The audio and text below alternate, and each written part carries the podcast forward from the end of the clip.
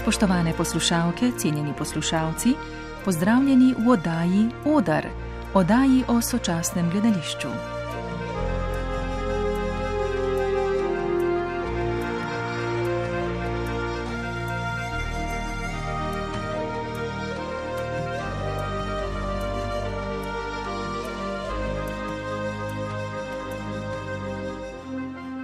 Lepo pozdravljeni. Pozornost v oddaji Odr danes namenjamo Istoku Kovaču, plesalcu in koreografu in njegovemu umetniškemu ustvarjalnemu delu skupino Enknap, pozneje preimenovano v Enknap Group. Pred časom je išla monografija Enknap 1993-2020, besedilno in slikovno bogata knjiga, ki priča o umetniško razmreženi poti plesne skupine in plesnega ansambla, ki sodobni ples misli in udejanja lokalno in globalno. V studiu pozdravljam Istoka Kovača, dober dan. Dobar dan. In Stojana Pelka, filozofa, publicista, predavatelja, tudi občasnega Kovačevega sodelavca pri predstavah in sorodnih projektih in urednika monografije Enknap 1993-2020. Dobar dan. Dobar dan. Spoštovani Istok Kovač, letos mineva 30 let od vašega prelomnega sola, kako sem ujel sokola. Ta vam je odprl pot v svet, obenem pa tudi na slovenski zemljevid odločno zapisal vaše ime. Prijeli ste tudi nagrado Preširnovega sklada. Kako se spominjate tistega časa? Izpred 30 let. Uh, to je bilo kar nekaj otrok nazaj, ne? se mi zdi, štiri otroke nazaj. Ne? To je bilo. Uh, Ker nekaj uh, avtomobilov sem zamenjal v tem času, stanovanj, ker nekaj delovnih prostorov sem zamenjal v tem času, sodelavcev. In tisti čas je bil poseben čas, zato ker smo uh, živeli sanje, v bistvu vse je bilo dovoljeno. Ne? To je bilo takoj po Kučanovih tistih besedah, ne? da so sanje dovoljene. Ne? In dejansko smo, jaz mislim, da smo 30 let enih takih lepih sanj. Sanj, ki se je veliko tega tudi uresničil, Kar je pa najbolj pomembno, je pa, da želimo sanjati naprej. Torej, to je to, kar ostaja izpred 30 let in danes. Torej. Ja, mislim, da če gledamo pa zdaj eh, recimo zidove ali pa če gledamo materialno, moram reči, pa se pa Slovenija kot taka ni skazala za dobro mati za to, kar počnemo. Ne? Sodobni ples kot tak še vedno po tem času nima inštitucije svoje, ni nima javne inštitucije, ne, nima uh, pravega mesta v, uh, v družbi, kot si ga zasluži, ni, ni na prav način promoviran. Zakaj je temu tako? No, ampak uh, je v drugih državah za sodobni ples lepše, pa boljše poskrbljeno kot je v Sloveniji. Hvala. Tu je torej pred nami knjiga, obširna, bogata, dokument nekega časa, delovanja, gibanja, ki ste ga spodbudili. Kaj razmišljate, ko jo pregledujete? Kaj vam vaša osebna zgodovina in zgodovina kolektiva, v katerem delujete, sporoča? Kaj vas usmerja? Uh, predvsem mi sporoča to, da je, da je Stojan naredil uh, veliko, ogromno delo, da je naredil nekaj zelo, zelo lepega, dragocenega. Sporoča mi pa, po mojem, to, kar sem rekel, da je eno obdobje za nami, da, da smo veliko dosegli, ne, imamo Imamo stalno plesno skupino, ki jo ni bilo, recimo ne, v Sloveniji, ki je mednarodna, ki ima ogromen repertoar, veliko različnih avtorjev z nami dela, tujih, zelo znanih, do zelo posebnih. Uh, imamo gostovanja, predvsem imamo pa svoj, svoj dom. Zgradili, v Španskih borcih smo zgradili svoj dom, domicil te skupine. In to se mi zdi, da moram reči, je siguren en ena posledica ene trme, ne, ne tuk, da smo poskušali to izsiliti, ampak da so se te stvari mogle zgoditi. Ne. Preprosto zato, ker je bilo toliko nekih eh, gostovanj in, in bo zelo težko te projekte pelati uh, na ta način, da zbereš skupino, pa odigraš, pa greš na razen, pa se spet zbereš, pa, ne, in bo treba to skupino narediti. In don don se mi zdi, da je to ena lepa stvar, ki pa se mi zdi, da ima tudi svojo prihodnost. Ne. Kljub temu, da imate domicil, pa vaša skupina ni neka trdna struktura, temveč uh, se tudi člani skupine dosti menjujejo, odhajajo, prihajajo. Kako pa ta vaš izbor poteka oziroma kaj pravzaprav je ta vaš umetniški kredo, ki ga zasledujete, ko pride do neke audicije pri oblikovanju skupine? Če naredimo primerjavo z nogometom, ker verjetno več poslušalcev uh, pozna nogomet kot sodobni ples. No?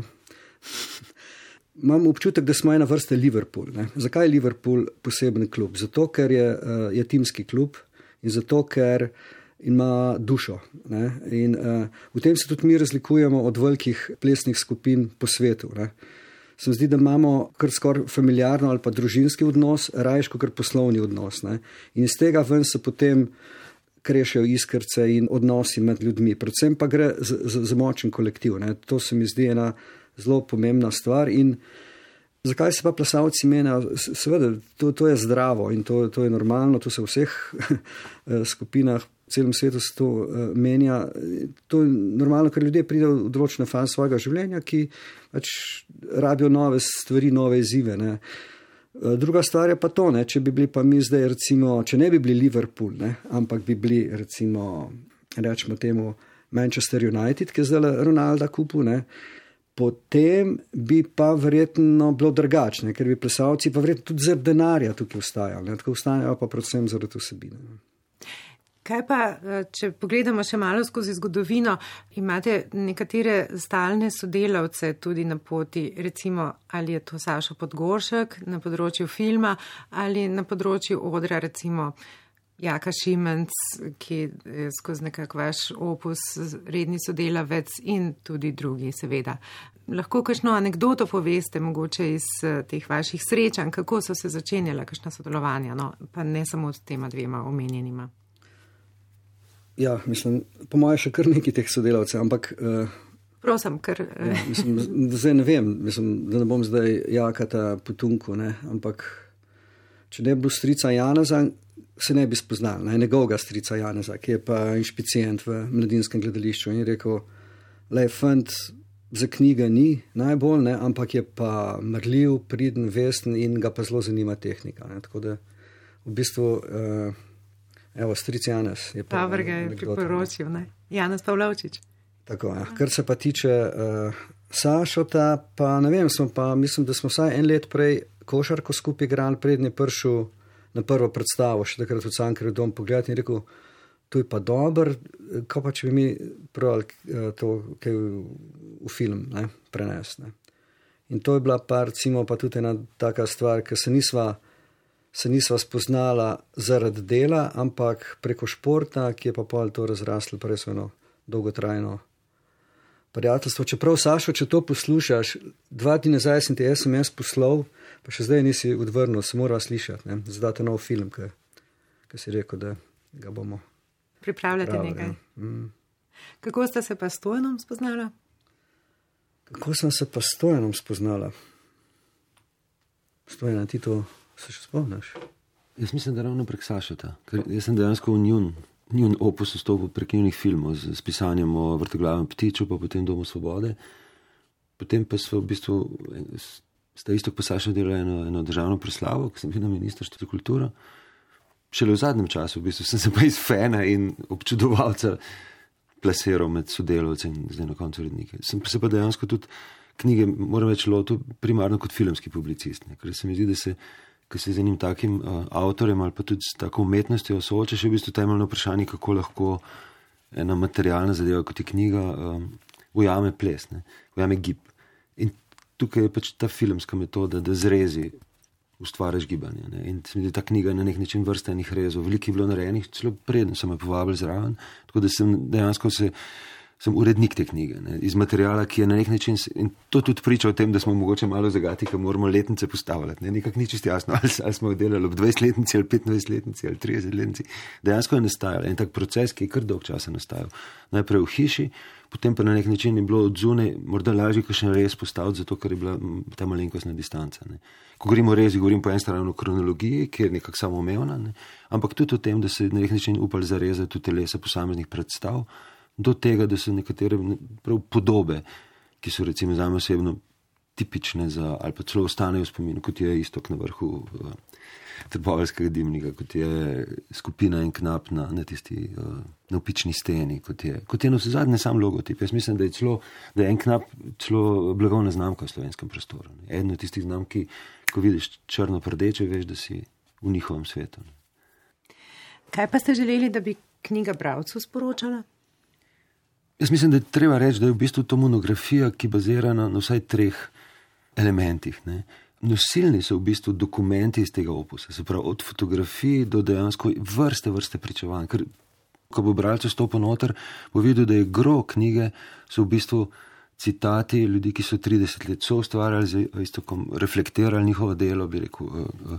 Potem je pa seveda drugi element, so pa, so pa zelo močni. Se. Jaz mislim, da je tekst dr. Blaža Lukana zasluži sam svojo knjigo, zato ker dejansko, glede na to, da smo oddaj odr, ne si upam reči, da dejansko govorijo o, o, o istokovem delu in delu Anknap grupa kot o kot odrski umetnosti, ki se absolutno sopostavlja z gledališčem, glasbo, filmom, opero, baletom in ga umešča v čas in v nek svetovni kontekst potem je rekel, eh, v tem drugem sklopu tekstovnem je besedilo Jedrtjež Furlan, ki je bolj osebno, ki pa ravno se mi zdi podari iz zgodovine, van tiste stvari, ki so ostale nam mogoče bolj v čustvih kot, to, kot v razmisleku.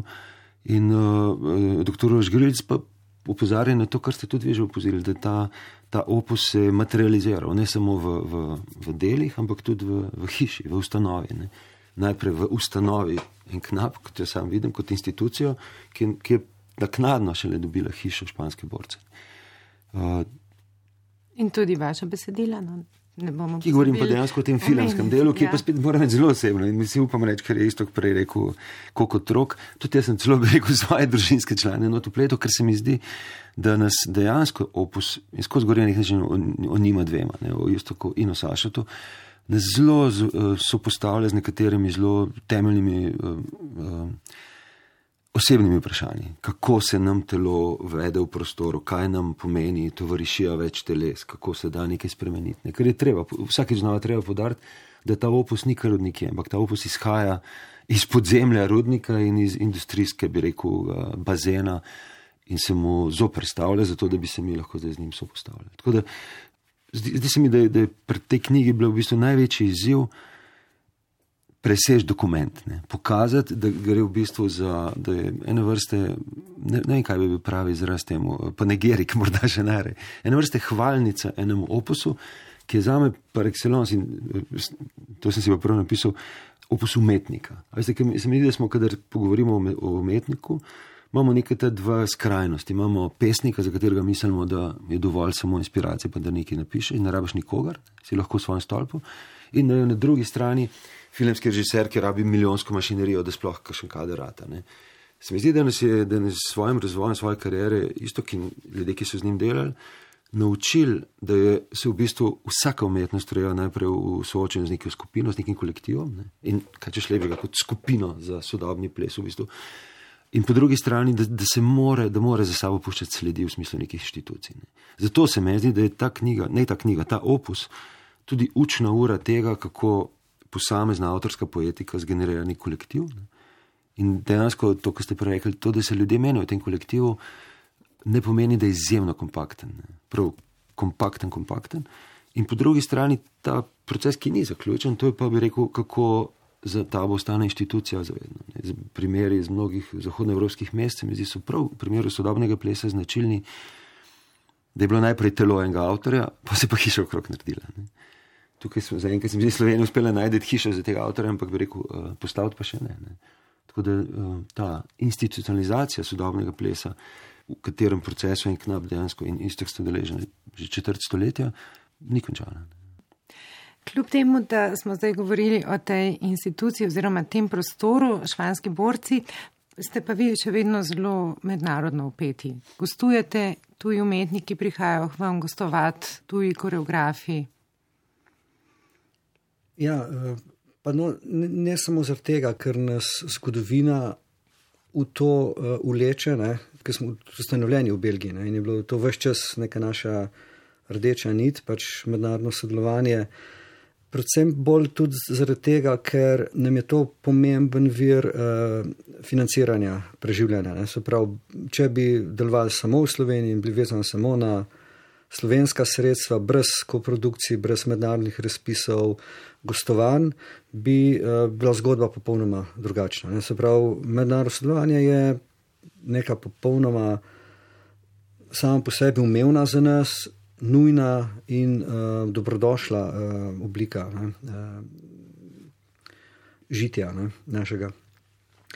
Kar se pa tiče zdaj mednarodnega, pa ne gre zdaj samo za naše gostovanje, oziroma da prikazujemo v španskih borcih mednarodno uh, sceno. Ne, Gre bolj tudi za to, da, da, smo, da sem upet zdaj pa že ne kot producent, ampak kot prezenter, se reče. Ne, se pravi, ne vem, kako to rekli po slovenski. Ne, kot, nekdo, ki predstavi, ne samo nekdo, nekdo ki ponuja delo, ampak nekdo, ki, ki ga tudi predstavlja v svoji hiši ne, oziroma v Sloveniji. Se pravi, imam zdaj nekako z minimalnim budžetom, ne, ki je za to namenjen, to odgovornost, da glede na svoje izkušnje, znanstva in povezave mednarodne, pripeljem v Slovenijo tisto, kar mislim, da bi Slovenija mogla videti. Ne. In tukaj sem siguren, zelo močna, pa dam velik podarek na novi sceni, ki prihaja. Zato, ker sem član pač mreže Aerowaves, tudi, ki promovira mlado, emerging artist, kot rečemo, ne, prihajajoče umetnike in iz tukaj se generira ena velika uh, masa enih možnih predstav, ki jih pač oblikujem v, v program, ki, ki je recimo za moje pojme kar neka baza našega mednarodnega programa v, v španskih borcih. To je čez celo leto razpreden festival Plesna Vesna. Na misel mi je prišlo eno vprašanje in sicer vidimo vaše pravzaprav zunanje delovanje ali pa tako bi rekla, tukaj imamo torej skoraj 30-letno zgodovino zbrano v knjigi. Zdaj ste povedali, na kakšen način sodelujete tudi z mrežo Aerowaves in to. Me pa zanima, a v nekih trenutkih ali pa v, tudi v umetniškem procesu, kadar ste pa sami, a tudi obstajajo neki zapiski, neki dnevniške sledi, nekaj torej vašega osebnega, prav osebnega dela, ki ga na odru neposredno ne vidimo, brez katerega pa torej tega ne bi bilo. Ne vem, če sem najbolj razumel, ampak govorite o, o, o stvarih, ki ostanejo z nami, se pravi v papirjih. O beleženju svojih misli, dela, ja, občutkov. Torej, v knjigi je nekaj kratkih citatov vaših, ampak ja. verjetno No, sprašujem, če bomo nekoč dobili knjigo tudi uh, vaših osebnih razmislekov. Zdaj, mislim, da, da, da to je malce drugače, ker včasih, če gledamo, če gledamo za 25 oziroma 30 let opus, je, je, je drugačen. 20-30 let nazaj smo vse na papirje pisali. Ne? Tako da v bistvu ni bilo nič drugega. Ne? Še lepo nekje ne vem, na sred tega računalnika, sremežljivo dolgo sem se upiral temu. Ne? Ampak zdaj, v glavnem, pa kar na, na računalnik pripravljam stvari. Ne. So seveda še zapiski, ampak so bolj obrobni, ampak vse tisto, kar je pa sprot, gre pa, je pa kar na računalniku. Ne. Ker pravim, da ima vsaka predstava, vsak projekt, ki se ga lotimo, ima pač svoj uh, folder. Uh, kaj je že to? Mapo. Mapo, ne, v kateri so pač noter. Uh, Shranjeni razni dokumenti. Bok, če smo jim pomagali pri odgovoru na to vprašanje, zato, ker je to je prvo mene fasciniralo v, v njihovih delovnih prostorih so zelo pogosto na steni velike šeleshameri z križci in krožci. Ne.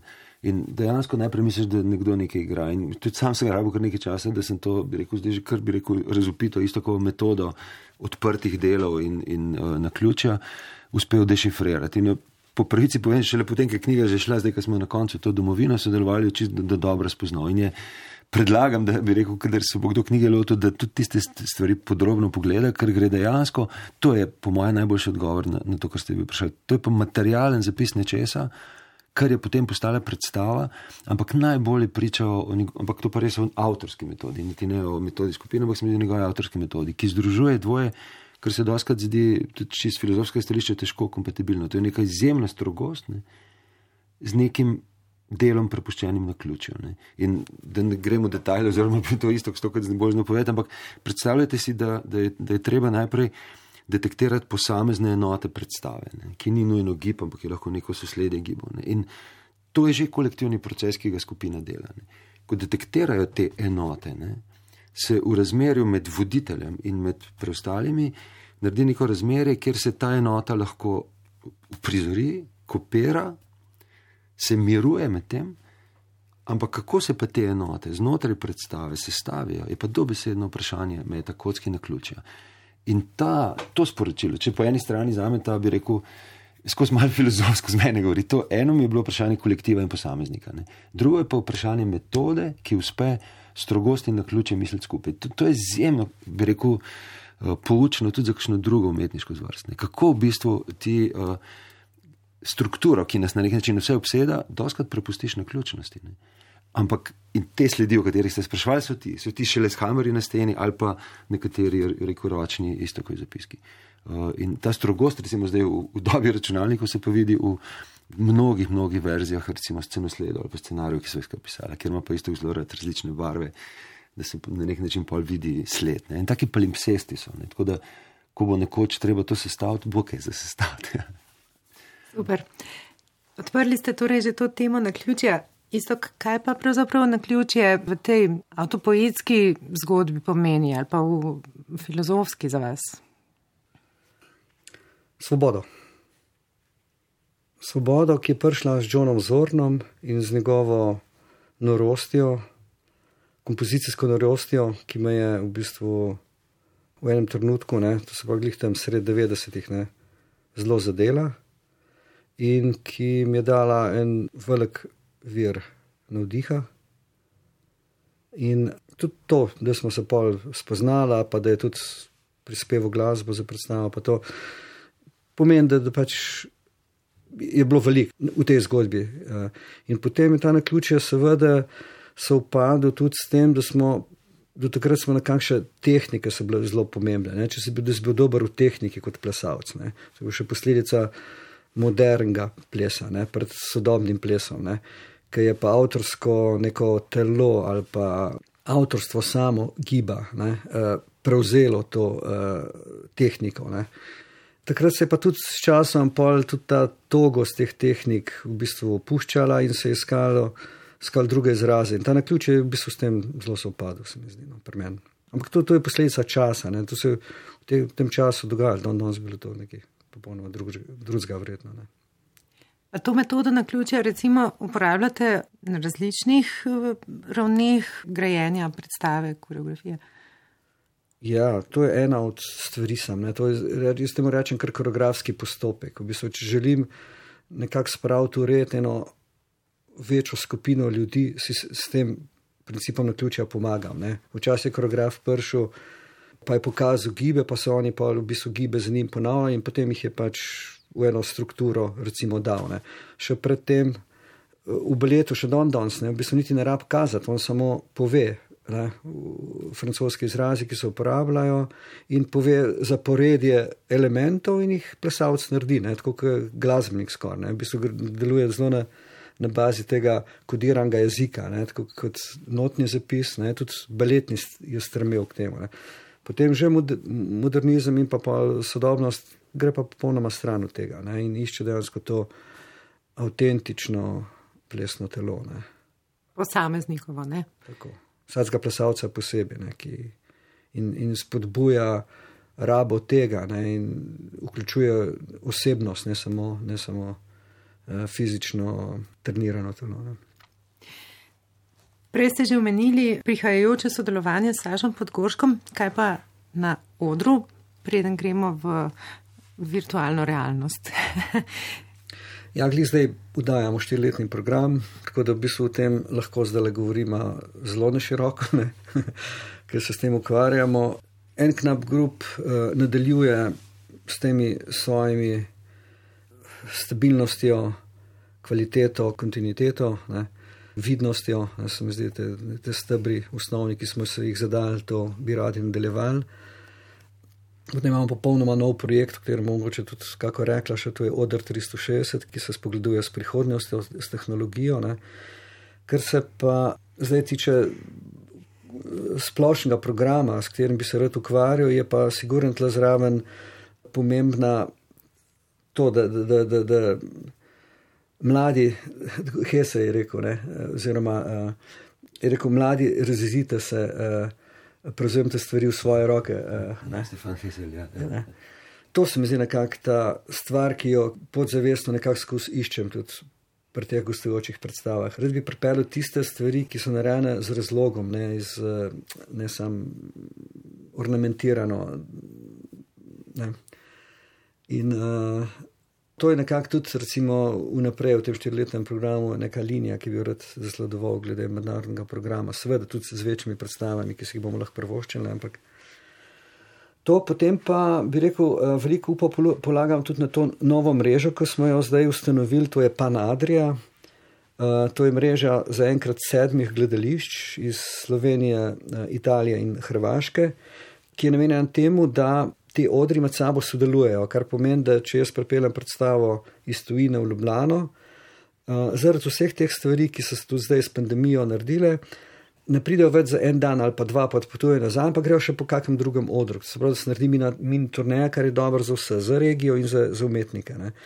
Poleg tega je pa prednost tudi v tem, da, da pa si namenimo določena sredstva v produkcijo in pa tudi v, v gostovanja ne, in zberemo produkcijo, na razpisu zberemo produkcijo, ki jo ko produciramo. Ne. V letošnjem letu je Milan Tomašik. Ne v prejšnjem letu je bila Petra Hrašanec in, in tako naprej. In mreža ima zdaj že tudi potencial, da se veča, željo, da se veča in mogoče zelo kmalo pridemo že tega, da, da bomo tudi dve produkcije letno uh, sproducirali. Potem pa odpotujemo še malo v prihodnost, tako rekoč. Tudi pri projektu Odr 360 sta sodelovala s Tojanom Pelkom, kaj ne? Ja, ker je to bila neka točka, kjer je pa ena moja teoretska radovednost, ki izvira iz časa, ko sem prevajal Pola Virilioja, uh, zdaj že pokojnega francoskega urbanista, arhitekta, teoretika tudi, ki je na nek način se skozi ukvarjal s tem, kako tehnologija kodira naše videnje. To mu je najlažje bilo dokazati na primeru optičnih naprav, ki so jih najprej razvili v vojaške namene in potem za, za recimo entertainment. In tukaj moram reči, da sem nastopil kot eh, kritični, bi rekel, intelektualci in nekoliko spodnašal nekatere istokove vizije, zato ker se mi zdelo, da, v bistvu, da, je, da je izjemno tvegano eh, preveč zaupa tehnologiji. In ko se enkrat v 360 stopinj, se ti zgodi, da imaš okrog in okrog temo. Ne? In zato je strašno pomembno, da ne preneseš preveč odgovornosti na gledalca, ker gledalec preprosto ni sposoben upraviti dela režiserja in si sam zmontirati in zrežirati svojo predstavo pa naj si bo plesna filmska gledališka. In je bil dejansko ena cela serija predavanj, delavnic, organiziranih v okviru tega projekta, ker smo šli v bistvu posledi tega. Ker se, ker, če smem reči, se je bi rekel umetniški pogled s tehnološkim in rahlo kritično teoretskim soočil in, in smo kar daleč prišli. Ampak ravno s to mislijo, da je, da je v bistvu spet premislek o tehniki postal premislek o metodi, ne, o umetniški metodi izražanja.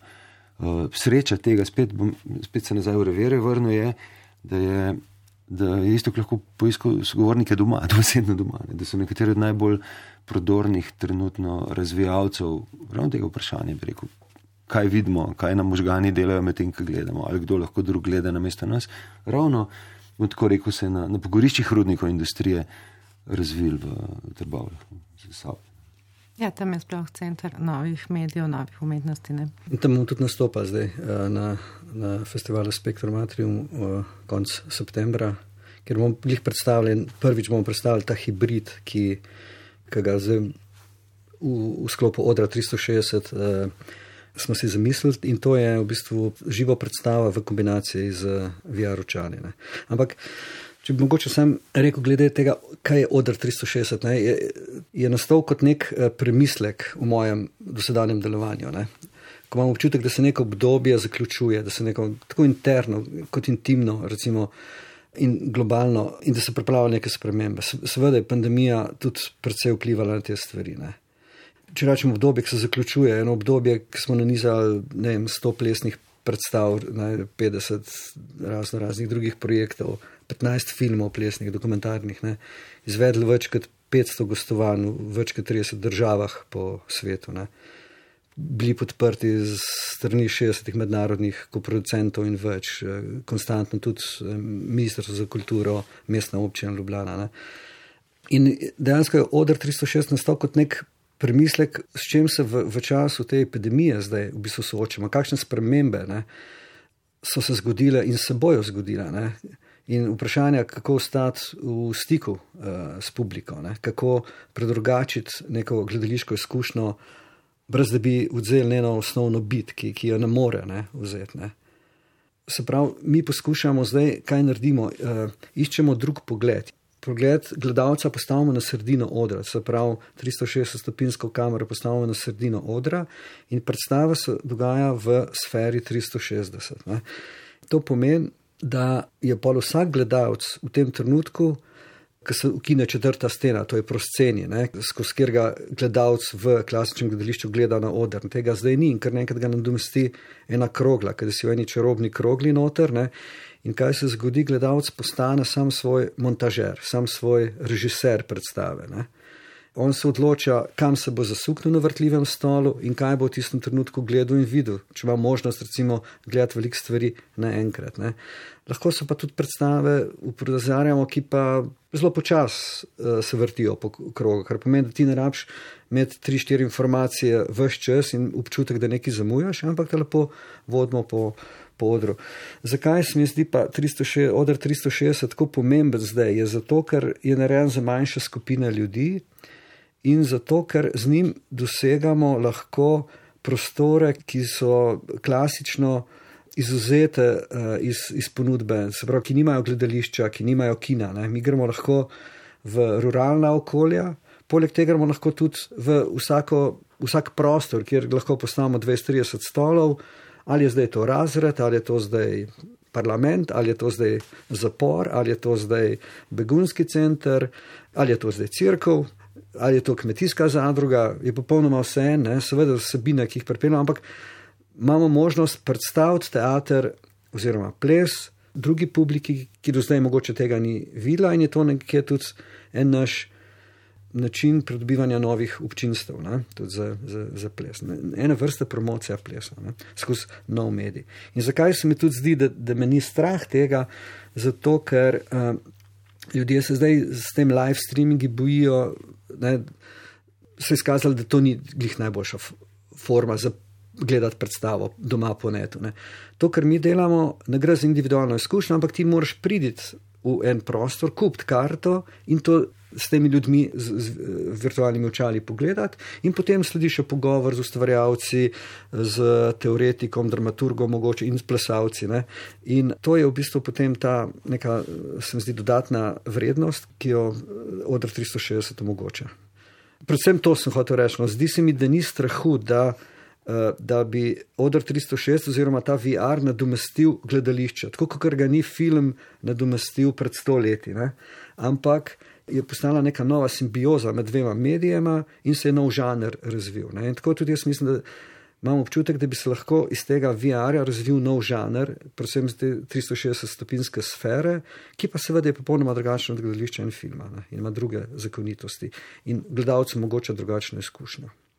In torej vi kot koreograf raziskujete, kateri so te koreografski načini, postopki, možnosti, kaj dovoljuje in česa ne ta pogled kamere ne jaz kot koreograf, ampak mi kot skupina. Ne.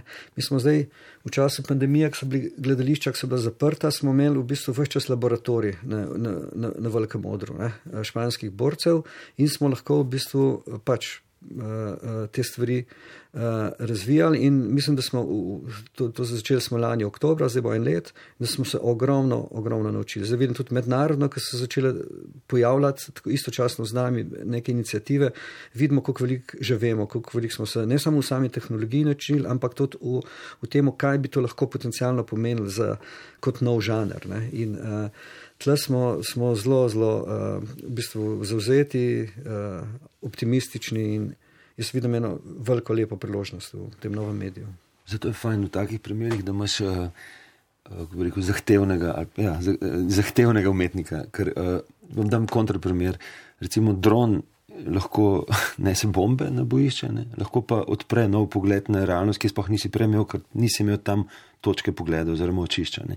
In na neki ravni, pri teh 360 stopinj, sta ta dva ekstrema enako, enako brutalna. Ne? To je lahko popoln uh, instrument uh, dominacije, kontrole, nadzora, dobesedno 360, kot sinonim tega, da se nikamor več ne moreš skriti. Ampak tako kot vsi drugi mediji, fotografija, film, vsi, omogočajo pa bi rekel dovolj uh, pronicljivemu umetniku, da najde nek prostor, ki, s katerim pa lahko izkušnjo, bi rekel, videnja širi. Ne. In zato se mi zdi, dejansko laboratorij tle pravi, zaradi tega isto uporabo. Ko nisi več fasciniran nad tehnologijo, ampak v bistvu ugotoviš, da ti pri tvojem izrazu prinaša novo sredstvo. Pa še to, ne, da zdaj ta tehnologija, ki jo odkrivamo, po enem letu smo prišli do tega, da ni narejena za nas. Ta tehnologija ni narejena za širšo uporabo, ne, narejena za individualca. Se pravi, da ti kupiš očala in da ti to doma uporabljaš. Ne. To, kar pa mi delamo, družabni dogodek, socialni dogodek, v bistvu pa znova in znova potem naletimo, ker smo pač perfekcionisti in poskušamo vsebine, ki jih predstavljamo, narediti najboljše možne, glede na naše uh, znanje in kapacitete, smo pa vedno znova postavljeni pred tehnološke uh, barijere. Ne? Ker tudi, ko bi zdaj šel s fičko tam na grobnik, tam zraven pa BMW vozijo. V bistvu, in, uh, vidiš, da naš fičko v bistvu raste počasne, ampak. To sem pomenil, po mojem, da ta tehnologija je bila narejena predvsem zato, da individualizira, ne pa da tvori kolektiv. In smo spet pri politični dimenziji vsakovrstnega tega dela, ker je tehnologija na nek način politično konotirana ampak tudi umetniško izkustvo, ki jo na nek način pervertira ali pa razgalja, pa tudi še kako. Ne. Jaz mislim, da ne samo politično, tudi komercialno, ne? ker glavna generatorja uh, uh, VR tehnologije sta vojska in pornografija. Ne? Tako da v bistvu vse, kar, kar je zelo zap, zaprti, oski krogi, njih ne zanima razvijati tehnologijo. Zdaj, to je politika. no, Še eno besedo o imenu in vizualni podobi, ki je meni zelo navdušila. Ah, stojan, kar povej. Tam v vodniku kratkem pravim, da je v bistvu ta vezaj v en knap zelo pomemben. Edino ime, ki nima vezaja in ki skriva, da se v bistvu v imenu oblikoval, sta Neja in Aka, rekel, ki se vedno pišete skupaj in se na nek način zakrijete kot en tak umetniški kolektiv. Ta knjiga je v veliki, veliki meri njuno delo. Dejansko njuno delo in tudi, eh, bi rekel, nastajala med Berlinom in Ljubljano, ravno zato, ker je ena od dvojca v Berlinu. In tudi mislim, da je treba povedati, to, je, uh, to pa je anekdota. No? Ko je bila že narejena knjiga, je imela mehak kovitek. Ne? In tako isto, ki je rekel, ampak, ampak to, ta, ni, ta ovitek pa ni tako dober kot je knjiga. Ne? In smo na koncu dejansko po ustrajanju, bi rekel, uh, in sodelovanjem tiskarne Januš, ne, prišli do tega, da je dobila ta močen proletarski ovitek. In, je, in tudi to je bil za me eden od drobcev, ki mi je v bistvu kaže per, perfekcionizem tega avtorja. Jaz osebno sem zelo ponosen na vitek, zato ker se mi zdi, da, da zveni. Ne. Jaz sem vedno v tem vidku videl tudi eh, v teh vrveh, na katerih so plesalci strune ne. in v tem krogu, tisto, kar se gleda na to kitaro. In se mi zdi, da če smo že probali v knjigi uh, ujet gibanje, ne, se pa na naslovnici mogoče trenutek tudi avdija ujel. In, uh, Ker sem na začetku povedal, da sem v njen opus vstopil prek filma, ne se mi zdi, da, da dejansko to skozi treba povedati. Da v bistvu pri, imamo opravka z gibljivimi podobami, ne? ampak imamo pa vse čas opravka tudi z audiovizualnimi podobami. Nismo danes pa omenili razsežnosti govorjene besede, ki ni samo umevno v sodobnem plesu, je pa v, v, v delu uh, en knapa izjemno evociran na vse načine. Ne? Od uh, samo izpovedi do petja, do recitiranja, do, do rock'n'rolla, do še peta. Tako da se mi zdi, da je da nas ob vsem drugem, o čemer nas podučuje en knap grup, nas je zelo veliko eh, naučil tudi o auditivni, zvočni, govorni, sonorni razsežnosti umetnosti. Ampak stojen, nisem da hotel sprovocirati, ti si te govoril en knap logotu. Ja. Petra pa mislim, da je mislila pa odr 360, zato sem rekel. Ne, Aj, Ampak super, da ste to povedali. Ja, no? ja. Sem ga pa vmes narisal, ker nisem več, če ga veste. Ja. Odr 360, ja. to, je misla, pa, ja. to so pa taki drobci, uh, kot iluminati. Začne z ene strani, pa vidiš, da je z druge strani isto. Če v slovenščini odr napišeš relativno, bi rekel, spretno, prideš pre, od E do 360 na drugi strani in se je zdelo, da se je ta 360 prelil v nek ja, krogotok številk in ja. črk. Pardon, nisem, nisem razumel vprašanje. Ne, ne, ne. Točno tako, ja. Beseda podoba je točno to, ne. Res odlična rešitev. Stojeno v maslo. Ta pa je, tega sem pa res bil preblisk, to pa, to pa priznam. Spoštovana Isto Kovač in Stojan Pelko, hvala lepa za pogovor. Spoštovane poslušalke in poslušalci, hvala lepa za vašo pozornost.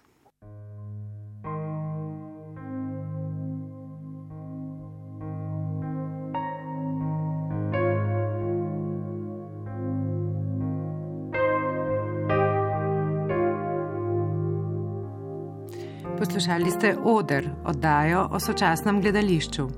O knjigi En knap 1993-2020 smo se pogovarjali isto Kovač, Stojan Pelko in Petra Tanko, ki sem pripravila oddajo. Posnel in zvočno jo je uredil Damjan Rostan. Želimo vam lep dan še naprej in vas lepo pozdravljamo.